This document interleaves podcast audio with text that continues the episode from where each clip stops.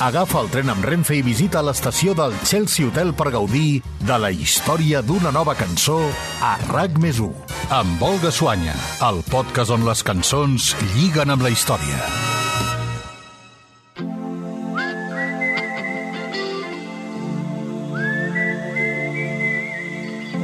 Només amb les primeres notes xiulades ja és fàcil de reconèixer, però per si algú encara no acaba de situar-se, continua així.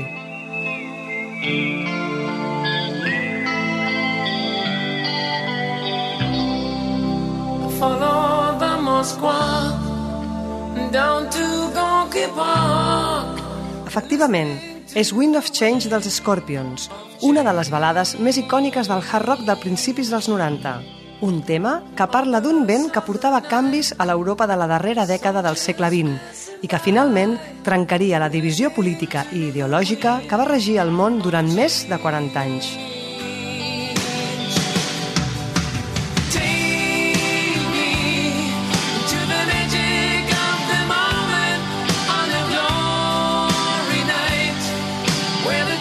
Ens traslladem al març de 1946. Tot just fa mig any que s'ha acabat la Segona Guerra Mundial i les seves conseqüències en l'ordre internacional ja comencen a fer-se evidents. I és Winston Churchill el primer que ho verbalitza en un discurs pronunciat al Westminster College de Fulton, a Missouri.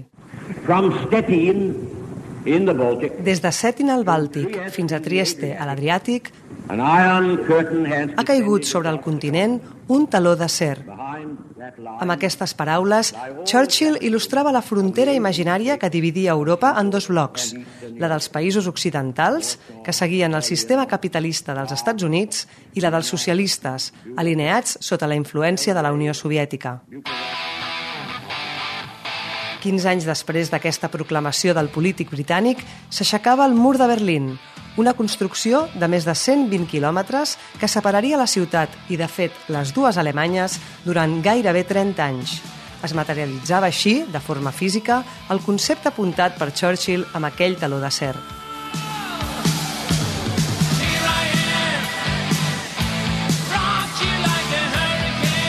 Mentre la vida dels ciutadans d'aquella Alemanya dividida s'adaptava al nou escenari a cadascun dels dos costats de la frontera, a Hannover es formava Scorpions, una banda que amb el temps va acabar sent el grup de rock més popular i internacional de la República Federal Alemanya. Van començar versionant temes dels Beatles, els Stones i d'altres formacions de l'anomenada invasió britànica que va experimentar el món del rock a principis dels 60. Però amb la incorporació de Klaus Meine com a vocalista, els Scorpions van iniciar una nova etapa en què ja amb temes propis van aconseguir fer-se un nom en el panorama musical del país.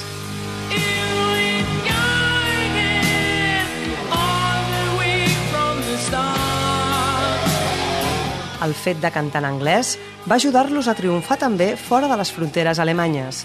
A finals dels 70 ja eren una de les formacions de hard rock i heavy metal referents a escala internacional.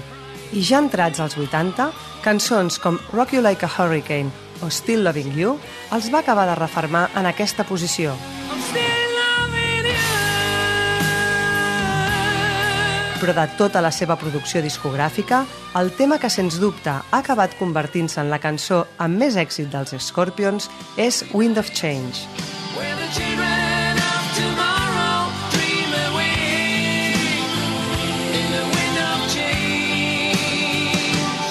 Klaus Meine la va escriure al setembre de 1989 arran d'un fet inesperat en un concert que van fer aquell estiu en un festival de rock a Moscou.